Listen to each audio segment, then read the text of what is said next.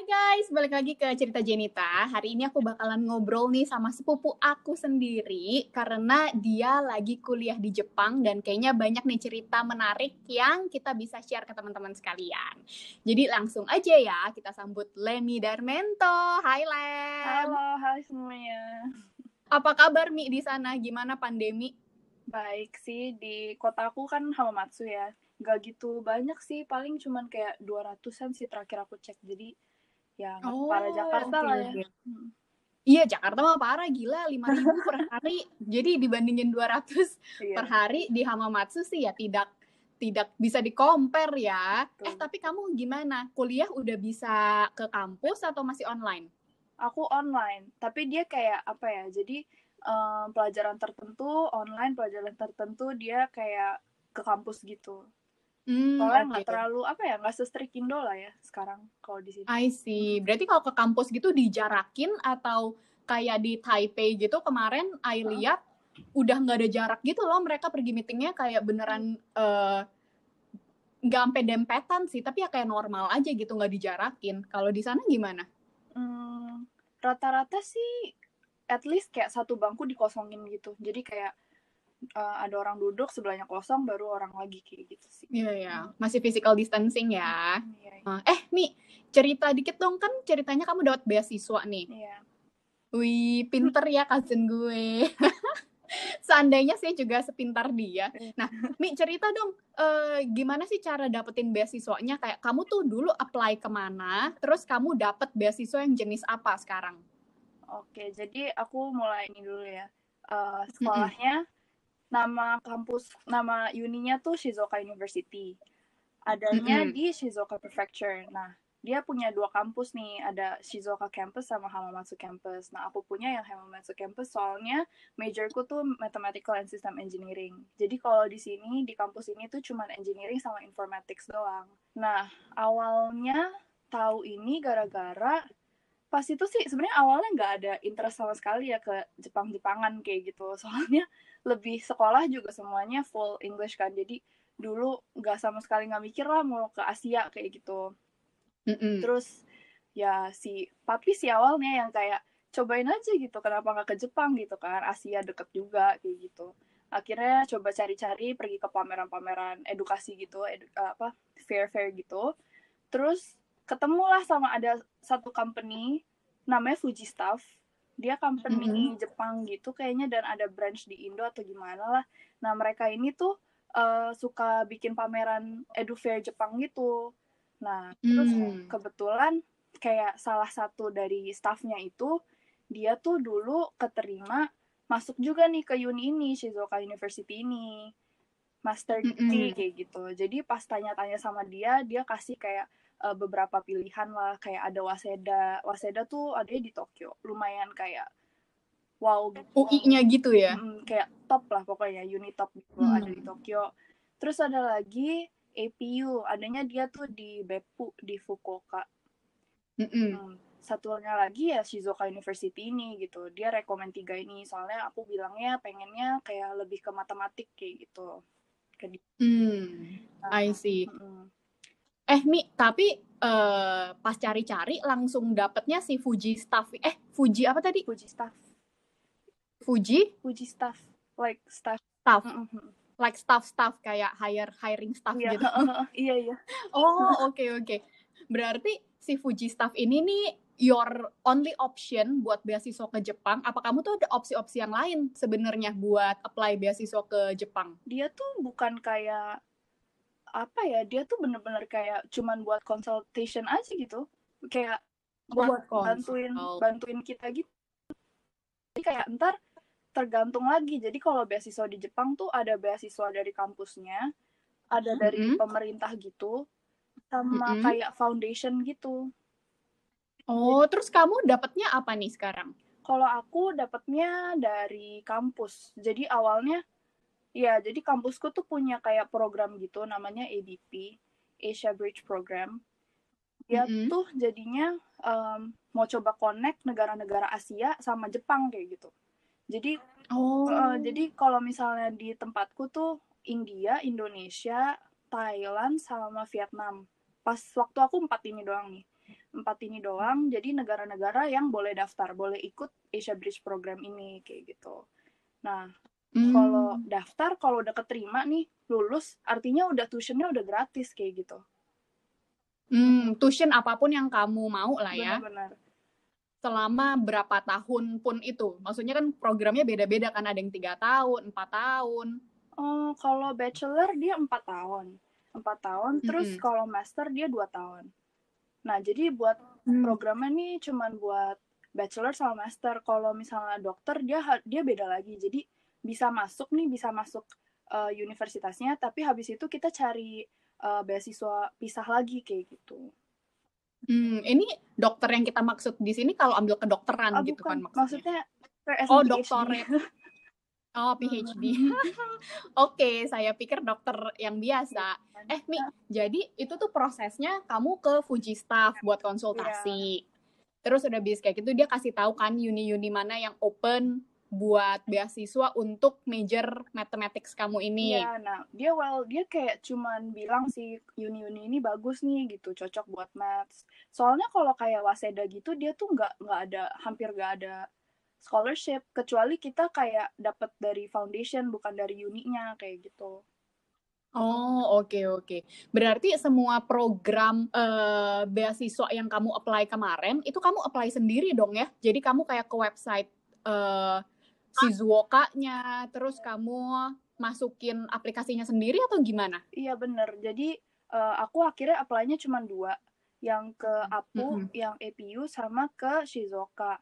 Dua-duanya itu dia um, dikasih uh, scholarship-nya dari kampusnya gitu. Jadinya kayak um, udah langsung gitu lah tapi kalau yang APU dia tuh dia tuh hampir jarang banget yang dapat 100% kayak gitu. Hmm, oke. Okay. Tapi si Zuoka ini menawarkan uh, 100% beasiswa iya, lah. Kalau masuk udah otomatis 100% kayak gitu. Wow. Hmm. Eh, kamu tuh apply-nya inget gak sih kayak linknya terus kayak apa aja yang harus dikumpulin itu kamu masih inget gak sih Mi repot gak banyak lumayan gak ya lumayan banget soalnya lagi soalnya pas itu masih apa ya aku kayak pas itu kelas 11 11 mau ke 12 ya kalau nggak salah. Terus jadi hmm. kayak emang udah di sekolah juga ribet gitu kan. Terus nambah lagi ini lagi kan mana kur uh, kurikulum sekolah kan lebih ke Cambridge gitu. Jadinya pelajarannya hmm. juga beda gitu. Beda banget sama kayak hmm. yang di Jepang ini kan. Kalau uh, buat APU dia itu kan swasta.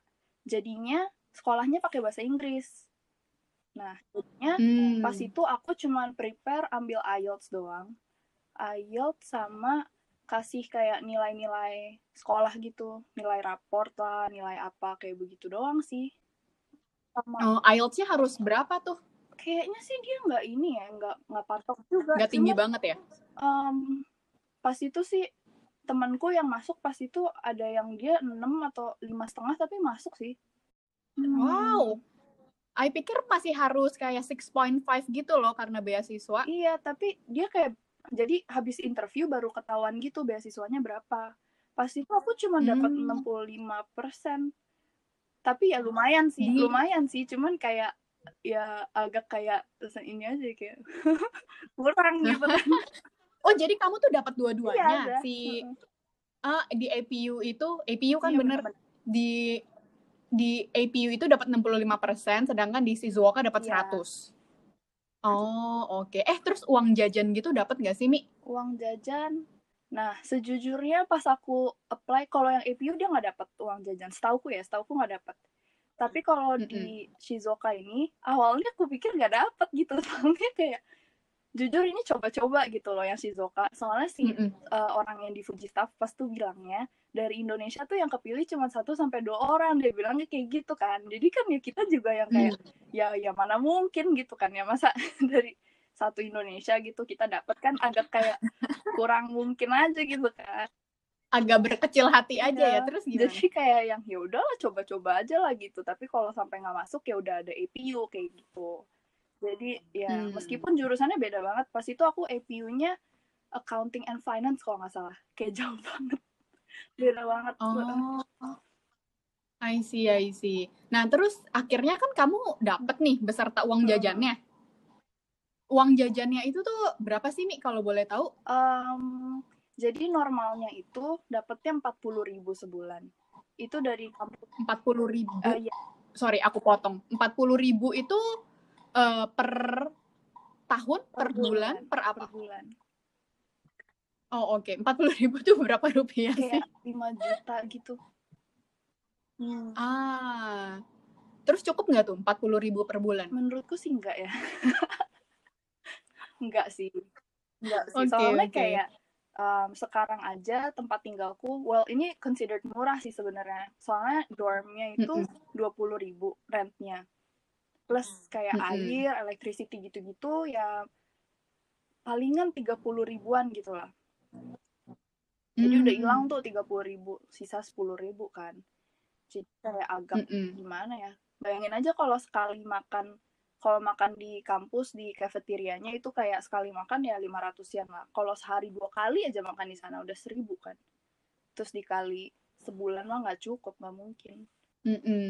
Eh terus tapi dengan apartemen, eh sorry, mm -hmm. dorm hampir 30 ribu itu tuh kayak gimana sih nih dormnya? Enak sih aku bilang. Kayak apa ya, bentukannya dia tuh kayak apartemen gitu. Jadi mm -mm. adanya off campus dan kayak about tujuh menitan naik sepeda gitulah hmm, jadi kayak lumayan hmm, dekat berarti kamu beli sepeda berarti kamu beli sepeda beli, juga di sana ya belum bisa awalnya ya dia sama guys kayak gue. Kita baru belajar sepeda pas kita gede segede bener, gedenya bener. pas itu sampai sebelum ke Jepang tuh sampai latihan tahu di Ancol. Sampai kayak diliatin opo-opa gitu kan. Terus dia bilang kayak ya ampun udah gede gini belum bisa katanya gitu. Waduh. Malu banget. Iya sama mi perasaannya. Aduh. Eh ngomong-ngomong soal tes buat beasiswanya si Apu itu kan pakai bahasa Inggris ya kamu bilang? iya, iya. Terus si si Zuoka ini kamu tesnya pakai bahasa Inggris juga apa pakai bahasa Jepang? Ini. ya kan berhubung tadi aku bilang kayak bener-bener gak prepare gitu loh buat Shizuoka kayak bener-bener mm -hmm. kayak ya udah coba-coba aja gitu kan siapa tahu gitu kan jadi aku bener-bener kayak kurang cari tahu gitu bener-bener ya pokoknya intinya kalau dia mau daftar ya cari taunya sampai dalam-dalam lah ya gitu salah aku di sana gitu mm -hmm. jadinya kayak bener-bener aku cuma denger si bapak itu pas itu ngomong katanya oh iya pakai Inggris gitu kan ya udah nih udah oh ya udah gitu kan interview juga Inggris ya oke okay lah gitu kan pikiran mm -mm. eh terus ternyata pertama ini kan Indonesia jadinya pakai Skype test gitu eh pakai pakai Skype uh, apa application gitu hmm, kalau yeah. aku dia face to face gitu jadi dia datang orang sana datang gitu ke hmm. Jakarta nah kalau yang mm -mm. Uh, Shizuoka ini pakai Skype gitu. Terus kayak ada dua kali kan. Yang pertama tesnya yang kedua kayak aslinya gitu. Maksudnya kayak, gimana tuh? uh, apa ya connection test gitu. Dia mau mastiin nyambung kan nih gitu Skype-nya? Atau kayak um, bisa kedengeran gak suaranya gitu. Oh yang satu tes mm -hmm. yang satu real ah nah, terus? gitu gitu tes. Kan ya ya maksudnya deg-degan iya. Cuman kan ya udah lah Inggris gitu kan ya. Terus uh -huh. gitu ini dia gitu nyala teleponnya dia bilang gitu pakai bahasa Jepang kayak e, kedengeran nggak ya kayak gitu terus kayak aduh mati gue Aduh, untung udah les bahasa Jepang ya waktu Meskipun, itu. Iya, tapi masalahnya pas itu ngeles pun menurutku kurang banget. Soalnya ngelesnya lumayan telat sih kalau aku bilang. Pas itu, hmm. jadi kayak bener-bener gak ngerti, gak bisa ngomong, gak bisa ngomong apa-apa. Kayak grammar yang dikit-dikit aku hmm. bisa, tapi gak bisa komunikasi gitu loh. I see, iya, I see. Aduh, tapi parah banget sih. tapi puji Tuhan dapet 100% hmm. scholarship-nya. Iya, iya, puji Tuhan banget. Iya. Eh, terus abis gitu nyampe di sana langsung masuk Mi ke uninya apa bridging dulu atau gimana Kalo gitu? Kalau di Jepang sih ya um, kayak in general gitu. Biasa uni-uni itu mm -hmm. masuknya April. Soalnya dia beda gitu sistemnya kayak Indo. Kalau di Indo kan kita biasa sekolah pun masuknya Juli, kelarnya Juni kayak gitu kan. Kalau di Jepang tuh mm -hmm. mulainya April, kelarnya uh, Maret kayak gitu. Jadi kebalik mm. gitu loh sistemnya. Makanya kayak um, kayak aku gitu, masuknya mestinya April. Tapi karena kita orang-orang luar mm -hmm. dan kita graduate dari Indonya juga udah kayak um, Mei gitu kan, UN terakhir. Jadinya kayak masuknya itu Mm-mm. September eh Oktober salah Oktober masuknya itu masuknya Hmm. Oktober tapi enam bulan pertama belajar bahasa Jepang dulu buat kayak prepare kita buat ntar gitu masuk April kayak begitu soalnya sekolahnya Jepang Ah. full I see, I see. Terus eh, banyak yang fail nggak sih, Lem? Anak-anak beasiswa ini ada yang ada yang enam bulan pertama nggak bisa grasp bahasa Jepangnya terus ya udah deh pulang gitu. Ada nggak? kayaknya sih belum sih belum sih cuman ya jujur ya maksudnya em, pas itu tuh aku ngerasa level aku paling rendah gitu jujur ya dari selama ini diterima anak-anak yang ABP program gitu pas itu tuh aku ngerasa kayak Hmm. aku paling bawah gitu loh soalnya dia bilangnya Hmm. dia bilangnya tuh cuman kayak yang oh iya boleh daftar buat kalian yang punya JLPT kayak apa sih Japanese Language Proficiency Test yang level N4 katanya. Mm-mm. Jadi kalau di bahasa Jepang tuh kita tuh ada N5 sampai N1. N5 paling gampang, N1 paling Iya. susah kayak gitu. Hmm, Susah. Jadi N4 aja udah cukup dia bilang kayak gitu kan. Ya udah dong kayak Mm-mm. ya udahlah pikiran aku- yang lain juga ya sama parahnya gitu kan ternyata yang Mm-mm. lain tuh udah N2 udah N1 terus udah yang kayak pernah Japanese language school dulu atau enggak yang kayak pokoknya udah pernah di Jepang lama kayak gitu-gitu jadi kayak bener-bener berasa banget kayak wah beda banget nih gua kayak gitu. I see, I see. Tapi catch up dong, maksudnya dari enam bulan itu at least udah bisa N, N berapa sekarang, Mi? aku N2 sekarang Eh, luar biasa. Eh, terus kamu udah tiga tahun kan di sana? Nggak berasa iya ya? cepet banget sih bener-bener Iya, cepet banget loh, ya ampun. Nah, dari tiga tahun ini yang kamu rasain apa sih bedanya kuliah di Jepang sama sekolah di Jakarta dulu? apa ya ya yang pasti Iya, soalnya kan kalau misalnya denger hmm, teman-teman kamu pasti keluar ada yang di Indo, ada yang keluar negeri juga, dan pasti kan kayak ngobrol-ngobrol dong kayak gila uni gue eh, sistemnya kayak gini gini gini, uni yang di mana sistemnya eh, ABC gitu. Nah, kalau ngobrol sama mereka itu tuh ada perbedaan yang signifikan banget gak sih, ya? Mi? palingan kayak apa ya nggak gitu yakin sih kalau di Indo kayak gimana cuman yang pasti sih em, hubungan antara kayak kakak kelas sama adik kelas tuh nggak sekeras di sini kayaknya gitu soalnya kalau di Hmm. Indo kan kayak ya kakak kelas tapi nggak yang kayak kalau di sini tuh soalnya bahasa Jepang tuh kayak dibagi gitu loh.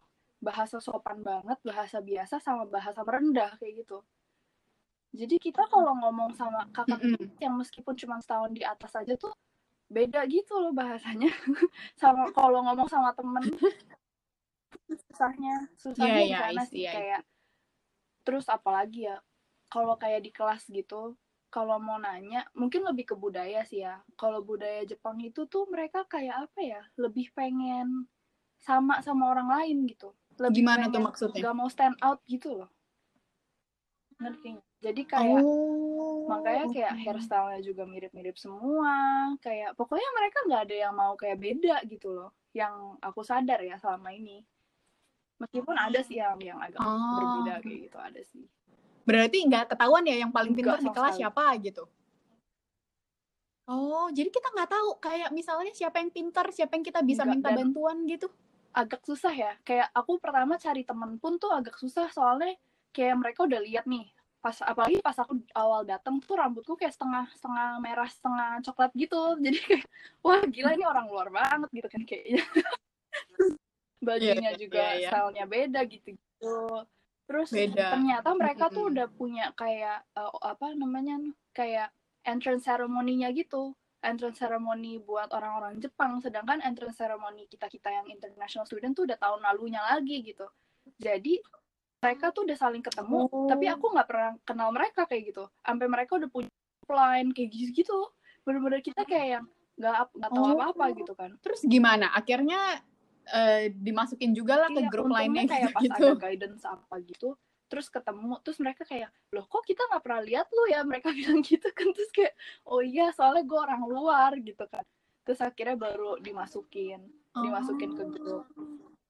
I see, I see. Kalau di Jepang gitu tuh ada internship nggak sih sama kayak buat tesis atau kayak sidang akhir itu gimana Mi? Um, oh iya ya, beda ya. Kalau di Indo kayaknya skripsi kan. Kalau di sini itu tahun terakhirnya itu tahun keempat itu kita biasa masuk lab, masuk kayak ya labnya guru-guru kayak gitu. Terus kita research. Jadi Hmm, oh. Jadi kalau misalnya kayak tempatku itu mathematical system engineering, dia tuh kayak biasa researchnya ada tentang CG, computer graphics atau kayak apa ya modeling gitu-gitu, simulation kayak gitu-gitulah. Beda sih. I see. Nah, Mi, kamu kenapa sih mau ambil mathematical engineering gitu? Kayak belajar apa di sana? Iya, jadi jadi sebenarnya kalau boleh jujur nih, pas awal pas apply yang Shizuoka University di awal banget tadi itu kan aku niatnya maunya mm -hmm. mathematical science kan jadi lebih jatuh ke kayak mat murni atau applied mathematics kayak gitu tapi ya pas mm -hmm. apply itu karena ya coba-coba ya udahlah ya gitu kan jadi di uh, option pertama aku masukin itu mathematical science. Terus option keduanya harus diisi nih tapi nggak tahu nih mau isi apaan gitu kan. Akhirnya cari-cari tuh mm -hmm. di optionnya apa yang ada mat-matnya kayak gitu. Terus akhirnya oh mathematical system engineering aja gitu. Jadi pas itu juga jujur kayak nggak ngerti gitu loh. Itu tentang apa nggak ngerti. Tapi aku kayak udah yang kayak oke okay, ini sekolah 100% gratis gitu kan kalau misalkan sampai dapet nih sampai masuk udahlah ngambil ini aja gitu. Udah kayak dari awal udah decide kayak gitu. Jadinya gitu dapet ya udahlah hmm. meskipun kayak kurang kurang paham ini ngapain ya udahlah gitu aku bilang. Tapi akhirnya, akhirnya belajar apa? kayak, jadi dia tuh mirip gitu ya kayak computer science. Cuman dia lebih kita juga belajar kayak hmm. banyak engineeringnya. Kayak kalau tahun pertama tuh dulu ada kelas praktikal gitu. Jadi kita bikin robot per grup bikin robot yang kayak disuruh ada tes gitu lah terus kita kayak disuruh kayak bikin robot yang bisa jatohin apalah kayak gitu ya. Pokoknya banyak lah kayak gitu-gitunya. Jadi bukan cuma yang kayak komputer-komputer doang. Terus lebih belajar mm lebih belajar kayak uh, mathematical model gitu simulation kayak gitu-gitu. Kayak misalnya corona nih. Corona mm. um, mm -mm. apa penyebarannya kayak bagaimana gitu loh terus kayak kira-kira dengan penggunaan masker tuh bisa uh, berkurang berapa kayak gitu. Nah itu tuh ada simulationnya kayak gitu. Dan itu semuanya pakai ilmu matematika iya, ya? Programming. Iya hebat banget ya ternyata maths itu tuh beneran basic yang bisa merambat hmm. sampai ke mana-mana gitu, yang sampai menyelesaikan bisa menyelesaikan isu dunia gitu luar biasa ya nggak kepikir dulu kenapa ya nggak suka matematik gitu anyway mi yeah. kan udah tiga tahun berarti kan tahun depan lulus Terus uh, gimana nih? Katanya kemarin lagi galau ya, mau S2 atau mau cari kerja. Tapi kok kalau cari kerja cepet banget nih. Kayak ah itu inget dulu sebelum lulus belum kepikir cari kerja. Jadi uh, gue tuh lumayan yang telat guys cari kerjanya. Jadi itu salah banget dulu. Jadi abis dari lulus di Singapura, terus leha-leha dulu, sebulan baru cari kerja. Nah, itu tuh sebulan aja udah telat banget karena yang lain itu tuh nyari kerjanya beforehand gitu. Beforehandnya tuh kayak mungkin uh, satu dua bulan atau mungkin tiga bulan sebelum lulus gitu ya. Nah, si Lemi ini cari kerjanya satu tahun guys sebelum lulus gitu. Hmm. Maksudnya what's the rush me gitu? Kayak kenapa harus satu tahun sebelumnya sih? Kayak tiga bulan sebelum tuh terlalu mepet loh. Kayak maksudnya gimana ya? Apa beda negara ya? Apa di Singapura itu normal, gitu di Jepang ini gitu sih. Soalnya emang ada budayanya sih. Kayak kalau misalnya ngelihat yang orang-orang Jepang juga, mereka tuh bener-bener kayak teratur gitu loh. Kayak jadi bener-bener kayak lulus sebelum lulus setahun sebelum lulus tuh udah harus kayak mulai cari kerja kayak gitu. Soalnya kan kita kalau lulus fresh gitu kan fresh graduate kan namanya. Jadi company-company Jepang mm -hmm. tuh emang terima orang khusus yang fresh graduate kayak gitu jadi misalnya nih kita udah lulus terus makan berapa waktu gitu baru mau apply kerja kita tuh udah nggak bisa fresh graduate lagi jatuhnya.